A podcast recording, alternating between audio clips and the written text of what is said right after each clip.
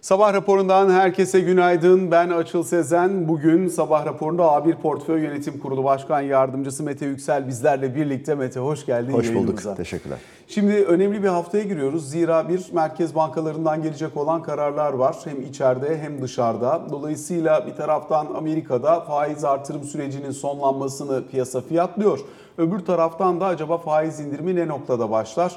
Eğer başlayacaksa bu bu haftaki FED toplantısında noktalı grafik üzerinde biraz daha FED başkanlarının piyasaya yakınsadığını görür müyüz gibi bir yaklaşım var. Temel fonksiyon aslında şunun üzerinden işliyor. Enflasyon hızlı aşağı geldi. Dolayısıyla Fed daha fazla faiz artırmadan da ciddi bir reel faiz verir hale dönüşebilir. Onun için bu aradaki fark kadar Fed'in faizi indirmesi beklenir önümüzdeki dönemde diye. Bloomberg Economics'in son yaptığı kendi araştırması ve tahminleri çerçevesinde 125 bas puan, piyasa kabaca bir tam puan kadar 2024 yılı içerisinde Haziran'da başlayacak şekilde faiz indirimi bekliyor. Bize dönüp baktığımız zaman Merkez Bankası'nın son dönemde arka arkaya iş dünyası temsilcileriyle yaptığı toplantılar var. Dolayısıyla buradan gelecek olan sonuçları yakından izleyeceğiz, takip edeceğiz. Sonrasında da zaten gelecek haftayla birlikte yılın son faiz toplantısı oradan çıktılarla başka bir noktaya doğru gitmiş olacağız. Diğer taraftan yine bu hafta gelecek olan önemli veriler cari denge, sanayi üretimi rakamları, Yine benzer şekilde özellikle bundan sonraki sürece ilişkin Avrupa Merkez Bankası'nın atacağı adımlar gibi konularda ön planda kalmaya devam ediyor. Bizim iç gündeme baktığımızda biraz önce istersen biz burada faiz cephesiyle başlayalım. Çünkü e, aslında yıl sonu da geliyor. Dolayısıyla bankaların mevduat faizlerinde de ufak ufak bu yıl sonu bilançosu için ekstra rakamlar görmeye başladık. Hani politika faizi 40'a geldi mevduat faizlerine genel olarak baktığımız zaman kabaca hani 44 seviyesine kadar ortalama mevduatın geldiğini görüyoruz. 3 ay 1-3 ay arasındaki vadeye baktığımızda orada bir miktar gerileme var ama yine 49.3'ler seviyesinde olduğunu söyleyebiliriz. Dolayısıyla bir bu mevduat çerçevesi nasıl bir fırsat oluşturuyor sence? Onunla başlayayım. Mevduat bu yıl sonundaki ekstra artan rekabetin de etkisiyle büyük ihtimalle çok kısa süre içinde, bir hafta içinde 50'nin üzerinde faizlerin pek çok banka tarafından verildiğini göreceğiz. Şu anda bazı örneklerin 50'nin üzerine çıktığı ile ilgili rivayetler var ama genel bir oran değil. 50'nin üzerine çıktığımız zaman işte piyasa katılımcıları anketinde bir yıl ileriye doğru olan enflasyon 44'te ya orada stopajdan sonra bile reel getiri var ee, diyerek o tarafa daha fazla bir eğilim olabilir. Daha önce dövize bir eğilim vardı çünkü işte hem doları hem euroyu her ay işte yüzde üç daha değerlenerek görüyorduk. Diyorduk yani en azından enflasyona denk gibi ama son 1-2 haftalık zaman zarfında o tarafta yataya oturduğundan dolayı artık dövizde durmanın da çok fazla bir esprisinin olmadığı bir dönemdeyiz.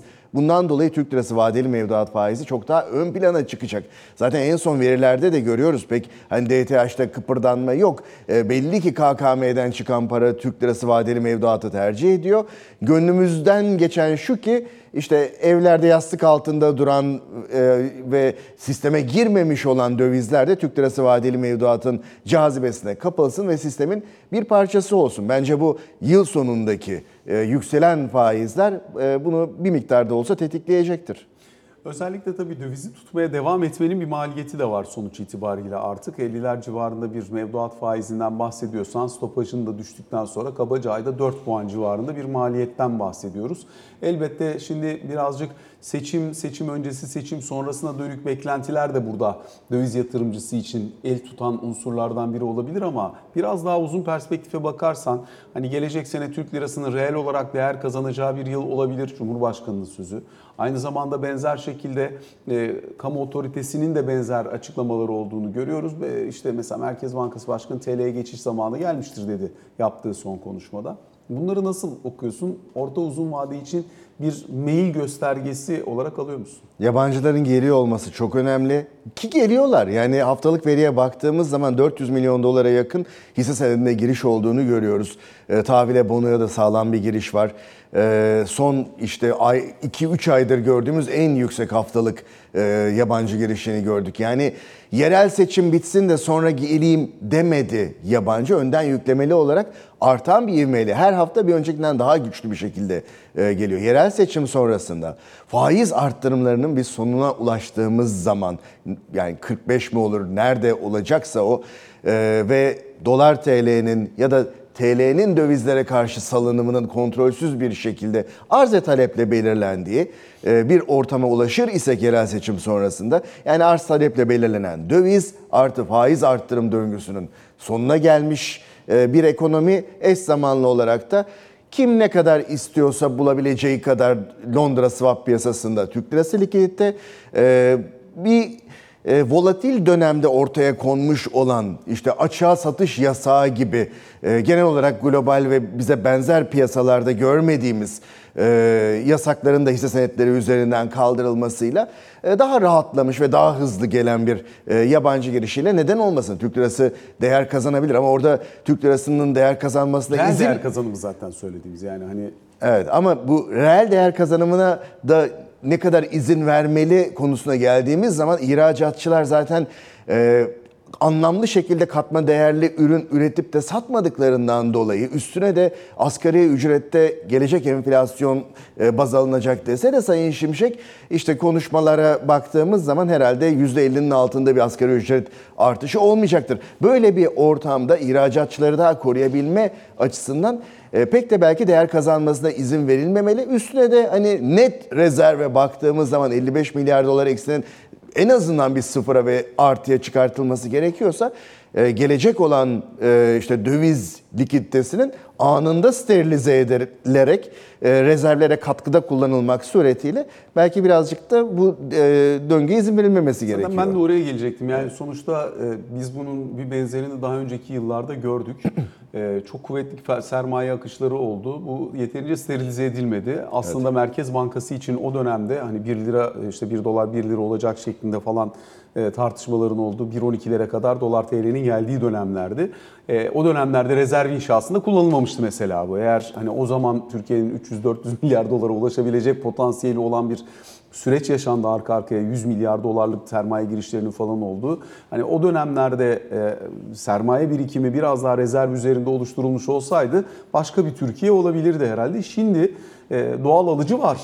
Yani ihtiyaçtan dolayı doğal alıcı Merkez Bankası. Dolayısıyla herhalde önümüzdeki sene biraz daha rezervlerin kuvvetli aşamaya geldiği, hale geldiği zaten rezerv kullanmaya da ihtiyacın olmadan devam edebilirsin böyle bir ortamda paranın fiyatı doğru yerdeyse ne dersin? E, Çok doğru yani paranın fiyatı doğru yerdeyse yabancı da e, TL varlıklara girmek için e, hevesli hale getirildiyse zaten rezerv kullanılmasına gerek yoktur. Doğal bir şekilde e, Kırılganlık ortadan kalksın diye biriktiriyorsun zaten. Aynen öyle. Kırılganlığın ortada. Ha tamam şuna katılıyorum. Sıcak para tehlikelidir.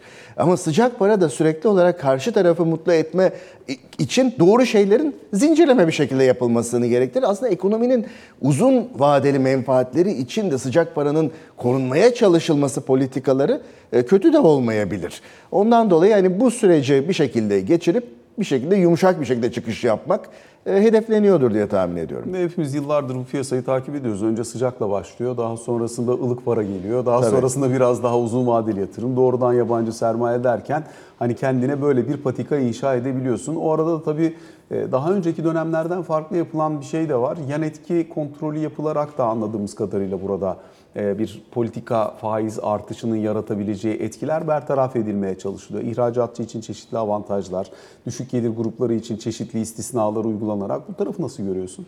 Ee, çok doğru görüyorum. Eğer ki politikalar güdülecekse ama ihracatçı korunacaksa bu şekilde yani en direkt bir şekilde e, ihracatçıya destek verilerek teminatlarla ilgili bazı çözümler sunularak Exim Bank aracılığıyla daha makul e, faizli kredilerle e, desteklenerek ihracat tarafının arttırılması burada hedeflenmeli. Kaldı ki o yapılıyor. E, doğru hareketler olarak görüyoruz. Peki kredi bacağını nasıl görüyorsun diye sormak isterim. Burada bireysel kredi kartı harcamalarında son dönemde nispi bir yavaşlama görüyoruz ki bu aslında tüketim e, yaklaşımı açısından önemli bir unsur. Ticari kredilerde de bir tık hızlanma var. Maliyet çok hızlı arttığı için biraz imtina ediyorlardı e, işletmeler kredi almaktan. Şimdi bunun biraz daha fazla artmaya başladığını görüyoruz yeni faiz seviyesini kabullendikten sonra. Evet yani işletme sermayesi ihtiyacı var. Fiyatlar da enflasyon kadar yukarıya gidiyorsa bir şekilde e, o kredinin faizini ödeyebilecek gücü de kendi içinde hissediyordur e, üretici. Onun etkisi var. Tüketici tarafında da hani 1.36 aylık faizle e, zaten o işte overdraft, kredili mevduat hesabı ve kredi kartı kredilerini kullanmamak makul olmayacaktı, rasyonel olmayacaktı. Elbette o dönem herkes kullandı. Şu anda %4'ün üzerine çıkmış e, seviyelerle de enflasyonun üzerinde bir e, götürüsü var benim için. Ben frene basayım, olanı da geri ödeyeyim yaklaşım var tüketici kredilerinde. Bir de tabii yani onun yan ürünleri de var. Tüketici kredisi alınıp ev alınıyordu. Çünkü ev fiyatları enflasyon %60 yukarıya gitken %100'ün üzerinde yukarıya gidiyordu. Şimdi ise daha önce yatırım amaçlı ikinci, üçüncü, dördüncü evini almış olanlar ya %50'ye gelmiş vadeli mevduat faizi var. E benim cepte para kalmadı. O zaman bir iki tane ev satayım da şöyle vadeli mevduattan istifade edeyim dendiği zaman e, ev fiyatları yani bizim işte takip ettiğimiz e, bazı sitelerde işaretlediğimiz e, evlerde hızlı bir düşüş olduğunu görüyoruz. Yani %25'ler kadar son 3 ayda geri çekilme olduğunu görüyoruz spesifik örneklerde. gidiyor yani. E, bu ama şunu gösteriyor Açıl. O tarafta artık yatırım yapma hevesinin kimsede kalmamış olacağını, orada bir getiri değil bir götürü ihtimalinin nominal Türk lirası olarak bahsediyoruz. Yani kafada mark to market ediyor o varlığa yatırım yapanlar. Kendini zenginleşmiş hissediyor ta ki piyasaya çıkıp satmak isteyene kadar. E tabi doğal olarak yani sadece faizlerin yukarıya gitmesi değil işte %25'te kısıtlanan kira artışları vesaire gibi mevzular da e, eve yatırımı engelleyen e, kısımlar. Ondan dolayı tüketici kredilerinin topyekun aşağı gelmesini makul görüyoruz. Şimdi Asgari Ücret Tespit Komisyonu'nun ilk toplantısı bugün. Dolayısıyla çeşitli senaryolar üzerinde konuşulduğunu anlıyoruz ama e, aslında uzunca bir süredir de asgari ücret üzerindeki belirsizliğin bu kadar yoğun olduğunu görmemiştik. Sebep orada hani bir kamu iradesi oluştuğunu anlıyoruz. Ücret e, enflasyon döngüsünü bir noktada kırabilmek için. Tabii enflasyon yükselirken bunu yapmak kolay değil. Ama e, böyle bir istek ve arzu olduğunu anlıyoruz. Yani enflasyon çünkü şu anda 60-70'lerin üzerinde bir yerde zirve yapacak. Ama bugünden insanlara ben bunu telafi etmeyeceğim. Hani önümüzdeki dönemki bir sene boyunca 42 enflasyon olacak ama e, ben sadece bu yıl başında yaptığım maaşla bunu e, götüreceğim demek çok kolay olmayabilir. Ama en azından her sene olduğu gibi başlangıçta bu irade beyanı ile yola çıkıldığını anlıyoruz. E, eğer böyle olacaksa başka. Eğer enflasyon açığını belli ölçüde kompanse ederek yapılacak bir asgari ücret olacaksa, artış olacaksa başka. Asgari ücret artışından ziyade bunun özellikle şirketler üzerindeki potansiyel etkisini de sormak istiyorum. Çünkü örneğin inşaat gibi belli başlı alanlarda ki bir sürü gayrimenkul yatırım ortaklığı da var. Farklı alanlarda iş yapan şirketler de var hisse senedi piyasasında artık. Asgari ücret duyarlılığı yükseldi. Bazı sektörlerde toplam giderlerin %10'una 15'ine kadar ulaştığını gözlemliyoruz e, ücret e, dengesinin. Ne dersin? Ee, IMF ile bir standby anlaşması yapılmış olsaydı içilecek olan bir acı ilaç vardı. Biz kendi içimizde bunu içeriz dedik. Yani gelirleri arttır, masrafları kıs e, gibi özetleyebileceğimiz bir paket. E, Sayın Şimşek de bundan sonra geçmiş enflasyon değil, gelecek enflasyona bakarak biz bu e, işte asgari ücretteki artışlara karar vereceğiz dedi. Kredibilite kazanmayı arzu ediyor isek bir kere bu çizgiden sapmıyor olmamız lazım. Her ne olursa olsun biz bu acı ilacı kendi içimizde içeceğiz. Kimsenin bize diretmesine, bir çıpa olmasına ihtiyacımız. Biz kendi içimizde çıpayız zaten. Bunu eğer ki bu kredibiliteyi kazanmak istiyorsak, bu itibarı kazanmak istiyorsak ki bu ön koşul olarak zaten Merkez Bankası tarafından da e, verilmiştir. E, o zaman hani %36'lık Merkez Bankası anketindeki enflasyon olmasın ama yani %44'lük beklenti anketi ya da %40'lar 40'ın biraz üstünde bir seviyeyi düşündüğümüz zaman 11.400'ün hani maksimum 16.000'lere falan gidiyor olması lazım gibi görüyoruz. Şirketlere gelirsek başta İskontolu gıda perakendeciliği olmak üzere pek çok sektöre bunun etkisi var. İskontolu gıda perakendeciliğini de şundan dolayı söylüyorum. Ha, İskontoyu da bırak gıda perakendeciliğin tümünde maaşların tamamına yakını e, asgari ücretten oluşuyor. Yani en büyük e, oyuncusu e, borsayı 80 bin kişi çalıştırıyor çoğu asgari ücretli. Aşağıdakiler 50 binler civarında e, eleman çalışıyor çoğu asgari ücretli. Biz burada şunu söylüyoruz. Evet asgari ücret artışı doğrudan perakende sektörünü ilk olarak e, incitecektir. Ama unutmayalım ki temel tüketim maddeleri e, satan bu şirketler en nihayetinde asgari ücretli maaşının tamamını harcadığından dolayı gelip bu dükkanlarda harcama yapıyor olması lazım. Kendi kendini kompanse edecek bir e, ortama çıkartır. Ama ihracatçılar açısından baktığımızda özellikle de talep elastikiyeti çok rahat, kaç katı olmayan, fevkalade esnek, keyfe keder ürünler, beyaz eşya, otomotiv gibi mesela. Ee, bu ortamları fiyata yansıtamıyorsun bunu. Bir de ihracatçısın. %70'i 80'i ihracat piyasalarına gidiyor. O taraflarda da resesyon kaygıları konuşuluyor. Yani sen asgari ücretin artışıyla birebir yüzleşiyorsun ama karşı taraftan bir ekstra fiyatlama yapamayacağın bir durumdasın. Tekstil keza aynı şekilde. Ee, Ondan dolayı bu e, sektörlerde biraz daha ekstra desteğe ihtiyaç olabilir. Ee, Burada kamunun e, desteğinin artırılması veya işte birazcık asgari ücretin bir kısmının yine e, devlet tarafından karşılanan kısmının yukarı çekilmesi gibi senaryoların tartışıldığını da gözlemliyoruz ama bir bütçe buna ne kadar müsaade eder? İki, hakikaten bir yerde de mali disiplini de sağlama yönünde çok ciddi bir irade olduğunu görüyoruz Hazine ve Maliye Bakanlığı'nda. Ne dersin? İhracatçıların destekleniyor olması lazım. Ee, Bir şekilde o tarafta yani vergisel olarak bir indirim mi yapılacak? Bir şeylerin düşünülüyor Çünkü ve düşünüldüğüne de ben şey eminim. yok da işte sigorta primi yüksek. Aynı zamanda benzer şekilde işte buradaki işveren katkısının belli ölçüde devlet tarafından karşılanan bir kısmı var. Bunun işte yukarı çekilmesi belli ölçüde gerekecek gibi görünüyor ama hakikaten orası biraz daha açmaz gibi duruyor. Yani ihracatın arttığı, ithalatın azaldığı dönemler genelde yani cari fazla verdiğimiz dönemler bizim hemen kriz sonrasındaki dönemlerde Türk lirasının çok ciddi değer kaybettiği dönemlerde oluyor. Bu da şu demek aslında benim için aslında TL'nin değer kaybı ihracatı destekleyen bir şey, ithalatı durduran bir şey. Ee, Burada aynı şekli bir kez daha e, yaşayacak isek ihracatçının en azından asgari ücret ve diğer maliyetlerin hafifletilmesiyle e, bir şekilde destekleniyor olması lazım. O yabancıların geleceği yerel seçim sonrasındaki e, döneme tam bir hazırlık için. Şimdi yabancı girişinden bir parça bahsettik. İşte son olarak S&P'nin bir açıklaması var. İşte Türkiye'nin görünümünü yukarı çeken. Benzer şekilde Fitch'ten Türkiye büyümesine ilişkin tahminler var. Bu sene için 4.1 bekliyor Fitch. Gelecek sene için 2024 için 2.5 büyüme bekliyor. Normal şartlar altında büyümenin yavaşlayacağı bir yerde hisse senetlerinin buna aşağı yönlü reaksiyon göstermesi beklenir. Ancak normal bir ortamda olmadığımız için ve hemen hemen hiç yabancı varlığının kalmadığı bir ortamdan yabancı girişiyle beslenebilecek bir borsa potansiyeli barındırdığı için bu bir. İkincisi de özellikle TL bazlı hisse senedi fiyatlarının kendini belli ölçüde enflasyona göre revize etmesini beklediğimiz için borsa adına daha farklı bir tabloyla karşı karşıya olabilir miyiz? Ne kadar bir yukarı potansiyel görüyorsun? TL olarak e, piyasa değerleri kendini niye yukarıya doğru e, düzeltiyor? Şundan dolayı düzeltiyor. Satışların eğer ki e, işte hiç talep elastikiyeti yok, kapkatı e, temel ihtiyaç maddesi satıyorsun. Enflasyon ne gelirse ürün fiyatına yansıtıyorsun. Marjından da feragat etmiyorsun. Nakit akımlarında o zaman enflasyon kadar artıyor. Nakit akımlar enflasyon kadar artıyorsa bunun bugünkü değeri de enflasyon kadar. Onun için piyasa değerleri enflasyon kadar yükselir. Ama talep elastikiyeti burada süper önemli. Onun için hisse seçimi e, çok önemli diyoruz. Burada ama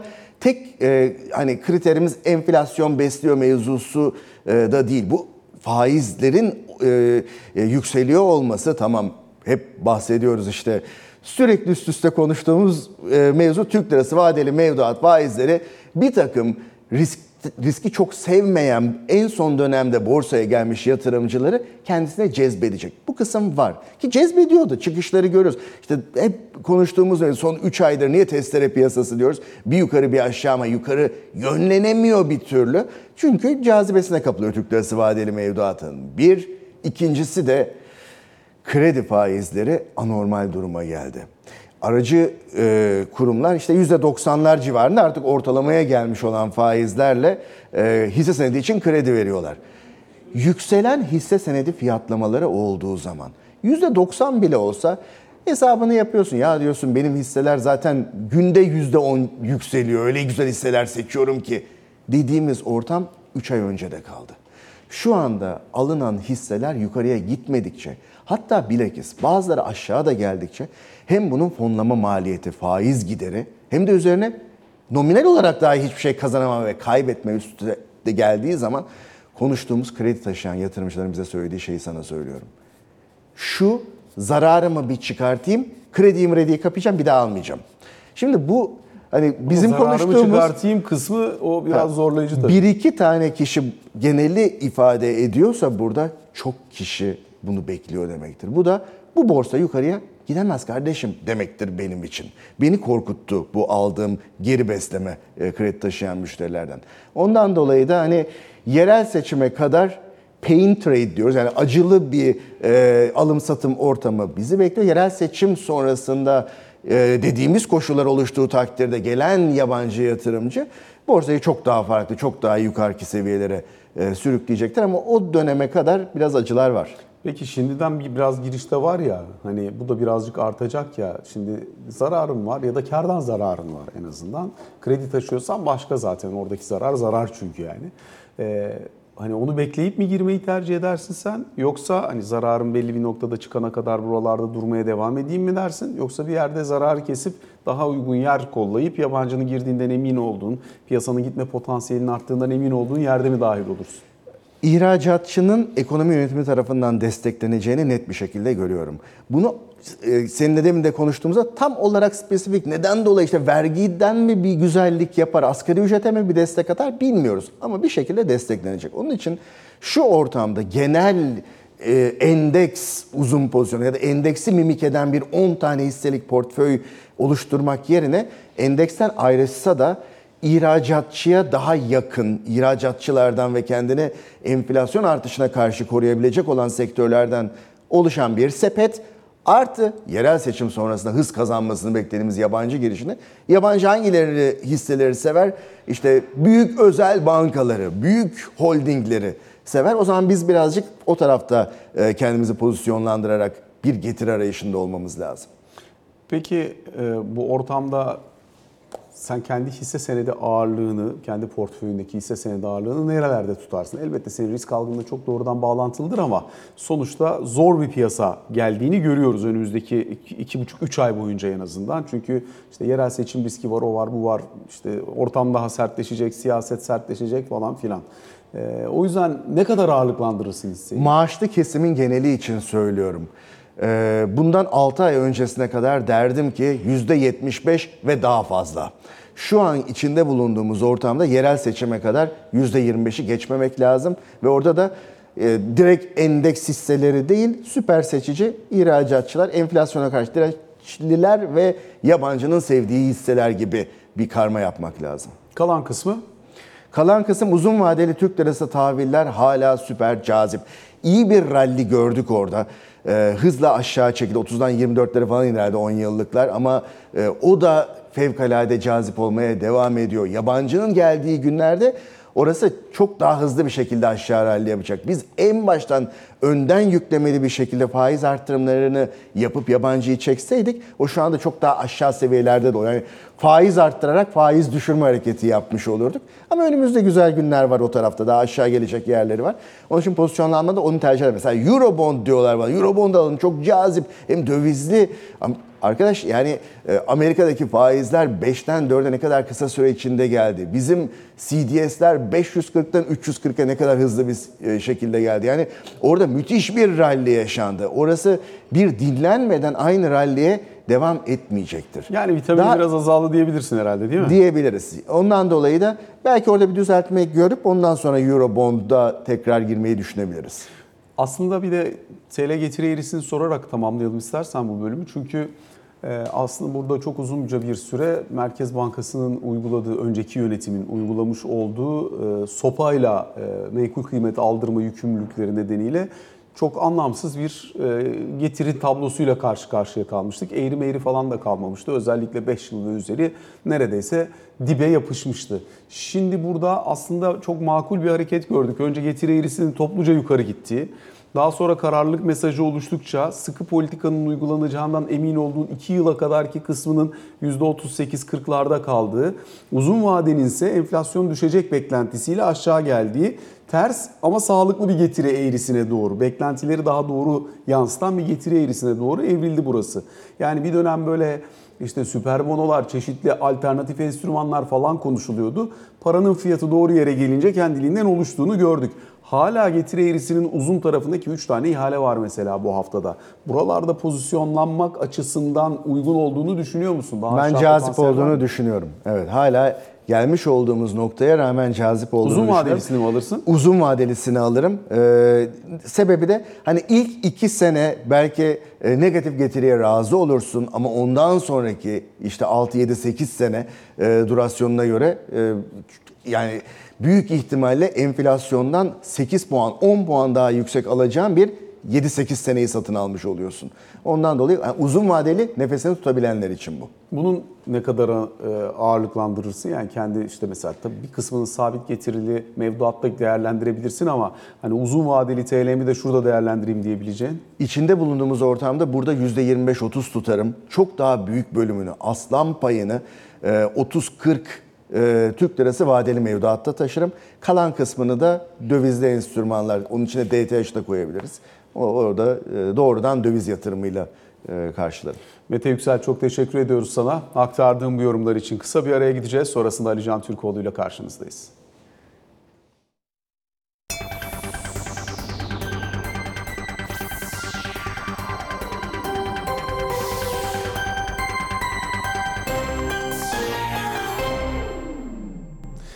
Sabah raporunun ikinci bölümüyle karşınızdayız. Ali Can Türkoğlu ile birlikteyiz. Ali Can günaydın, Günaydın, iyi iyi haftalar. haftalar. Özellikle bugünün en önemli gündem maddesi hatta haftanın da diyebiliriz herhalde asgari ücret meselesi. Dolayısıyla ne bekleniyoru biraz tartışalım.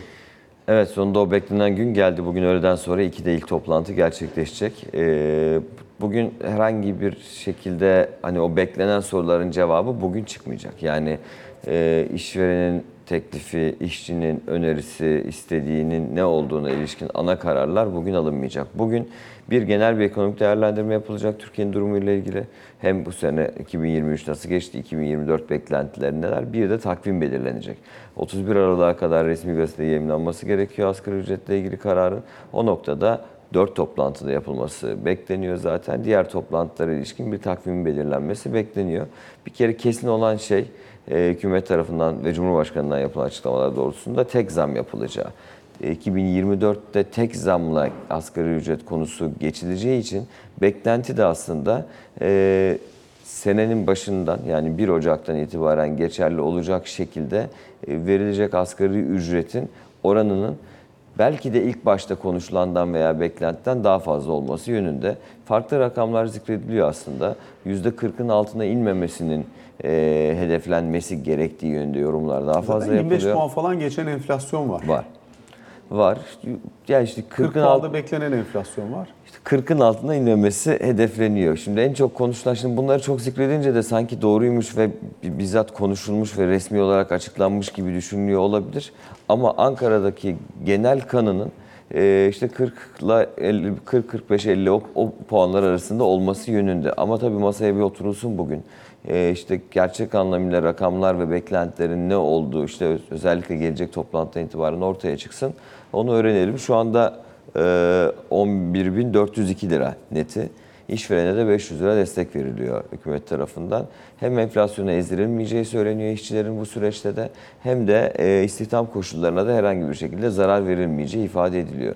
Dolayısıyla hem işveren desteğinin devam etmesi hem de e, gerçekleşen enflasyon oranına oranında bir e, oranın işçilere verilmesi beklenti ama ne olacak bunu göreceğiz. Peki bunun dışında haftanın gündeminde neler var? Geçen hafta biraz daha dış gündem ön plandaydı. Evet bu hafta biraz daha iç gündemi konuşacak olabiliriz. Çünkü e, yerel seçimlere ilişkin AK Parti aday belirleme komisyonu bugün toplanıyor. 15'inden itibaren peyderpey adayları açıklamaya başlayacak. Zaten o açıklanmıştı. Milliyetçi Hareket Partisi ile AK Parti arasında herhangi bir sıkıntı olmadığı da bizzat liderler tarafından söylendi. Bütün büyük şehirlerde ve depremden etkilenen illerde ortak aday çıkarılacak iki parti arasında. E, bildiğim kadarıyla e, deprem illerinden Adana, Osmaniye, büyük şehirler olarak bakarsak da Mersin'de eklenecek buna. Adana, Mersin, Osmaniye'de Milliyetçi Hareket Partisi'nin adayları, diğer e, büyük şehirlerde ve depremden etkilenen illerde e, AK Parti aday çıkaracak ve diğer parti destekleyecek gibi gözüküyor. Dediğim gibi son karar bugün itibariyle komisyonda görüşülmeye başlanacak Cumhurbaşkanı Başkanlığında ve önümüzdeki haftadan itibaren de yavaş yavaş açıklanmaya başlanacak. İstanbul, Ankara, İzmir adayları en son açıklanacak gibi gözüküyor bu, nok- bu noktada. Dolayısıyla bir yandan yerel seçime ilişkin e, partilerdeki hazırlıkları e, dikkatle takip edeceğiz. Diğer tarafta Cumhuriyet Halk Partisi, İyi Parti kanadında zaten beraber hareket edilmeyeceği kesinleşmişti. Orada HDP tarafında da şu anda kendi adaylarıyla e, bütün illerde kendi adaylarını gösterme fikrinin ön planda olduğuna ilişkin açıklamalar var HDP yetkililerinden. Cumhuriyet Halk Partisi'nin bundan sonraki süreçte çok kısa vadede tüm siyasi partilerle birer görüşme yapacağı ifade ediliyor. Gerek liderler gerek heyetler arasında yapılacak toplantılar. Ondan sonra da artık nasıl bir işbirliği olacak ve da işbirliği olacak mı olmayacak mı bunları göreceğiz bir. İki bütçe. Ee, önümüzdeki 14 gün boyunca Türkiye Meclis Genel Kurulu'nda, Türkiye Büyük Millet Meclisi Genel Kurulu'nda bütçe maratonunu izleyeceğiz. Dolayısıyla mecliste başka herhangi bir konu konuşulmayacak. Ee, hükümet adına Cumhurbaşkanı Yardımcısı Cevdet Yılmaz konuşacak ee, ve diğer partiler adına da yetkililer e, konuşacaklar.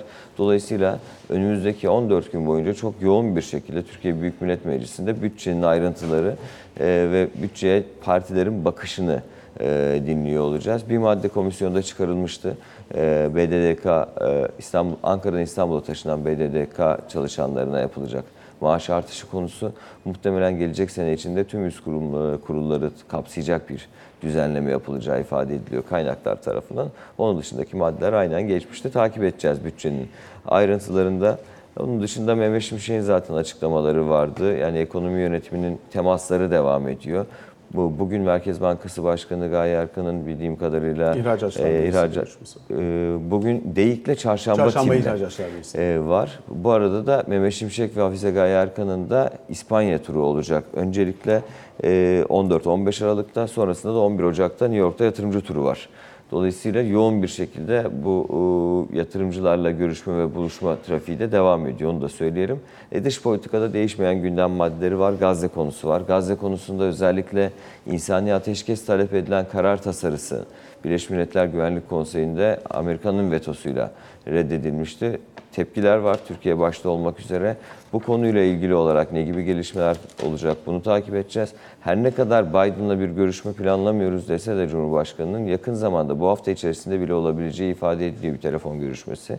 Burada da İsveç'in NATO süreci ve Türkiye'nin de F-16 beklentilerinin konuşulabileceği ifade ediliyor. Bir de Yunanistan'la Türkiye arasındaki e, olumlu gündemin oldukça üst noktaya çıktığı süreci takip ediyoruz hala. Anlaşılan ki bu dönem Türkiye ile Yunanistan arasındaki e, ilişkilerin en pozitif noktada olduğu dönem olacak gibi görünüyor. Alican teşekkür ettik Ben sabah teşekkür raporuna. ediyorum. Böylelikle son noktayı koymuş oluyoruz. Hoşçakalın.